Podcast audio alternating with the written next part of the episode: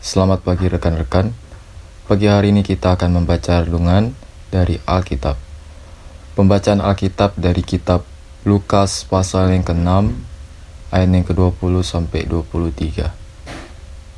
Namun sebelum kita memulai pembacaan Alkitab, sebaiknya terlebih dahulu kita berdoa. Mari kita bersatu di dalam doa. Bapa yang bertata dalam kerajaan surga, kami kembali mengucap syukur atas penyertaan dan perlindungan Tuhan. Dari kami tidur sampai kami boleh bangun dengan tubuh yang segar.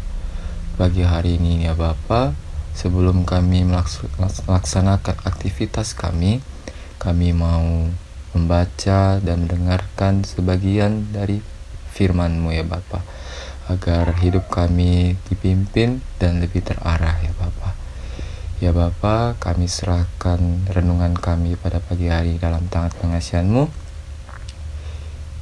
Kami sudah berdoa dan mengucap syukur. Amin. Rekan-rekan, mari buka Alkitab kita dari kitab Lukas pasal yang ke-6 ayat yang ke-20 sampai 23.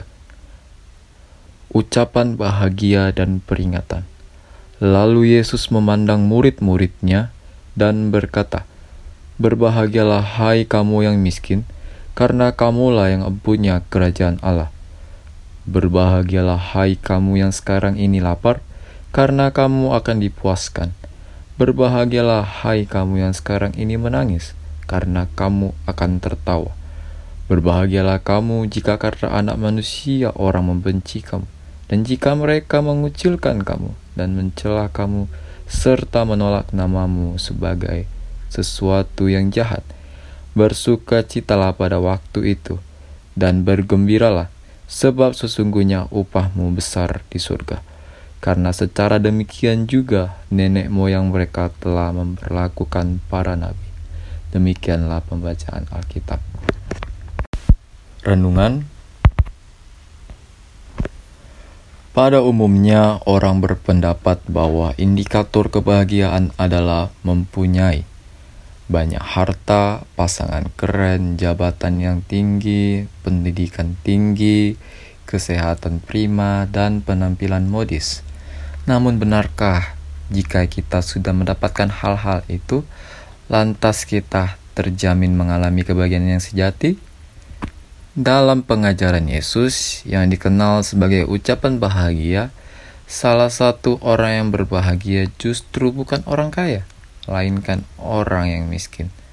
Di zaman Yesus, banyak orang kaya yang sombong karena merasa diri sebagai orang yang mempunyai ini dan itu. Tak jarang pada orang kaya ini melupakan Tuhan sebagai sumber berkat. Orang-orang kaya yang demikian justru disebut sebagai orang-orang celaka oleh Tuhan Yesus. Kebalikan dari kebanyakan orang kaya, Orang miskin di masa-masa itu pada umumnya sangat menderita, merasa rendah diri, dan dalam keterbatasannya ia mencukupkan diri dengan apa yang ada. Dalam perjuangan hidup, mereka senantiasa berdoa dan berharap kepada belas kasih Tuhan. Karena sifat-sifat itulah mereka yang miskin disebut Yesus sebagai yang berbahagia. Bahkan di mata Tuhan, mereka yang miskin adalah yang memiliki kekayaan sejati, yaitu kerajaan Allah. Sobat muda, Tuhan Yesus bukan menolak kekayaan dan menuntut kita hidup miskin serta menderita. Sah-sah saja menjadi orang kaya, asalkan hal itu tidak dijadikan sebagai target kebahagiaan kita. Hendaknya uang dan harta kita hayati sebagai salah satu anugerah Tuhan bagi kita yang juga harus disalurkan untuk menjadi berkat bagi sesama.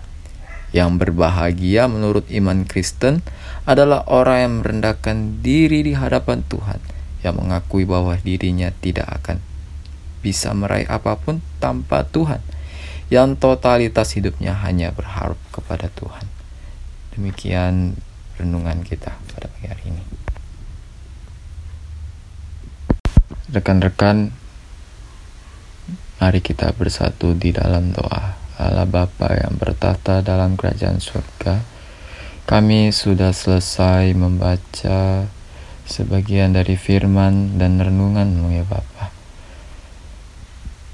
Biarlah firman yang boleh kami dengar tidak berlalu saja, namun boleh memimpin dan mengarahkan hidup kami dalam aktivitas kami hari ini ya Bapak. Biarlah aktivitas kami ini boleh berjalan searah dengan firman-Mu.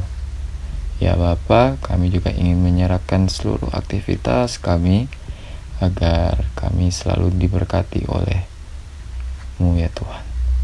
Ya Bapa, ini saja doa kami, kami menyerahkan seluruh kehidupan kami dalam tanganmu. Amin.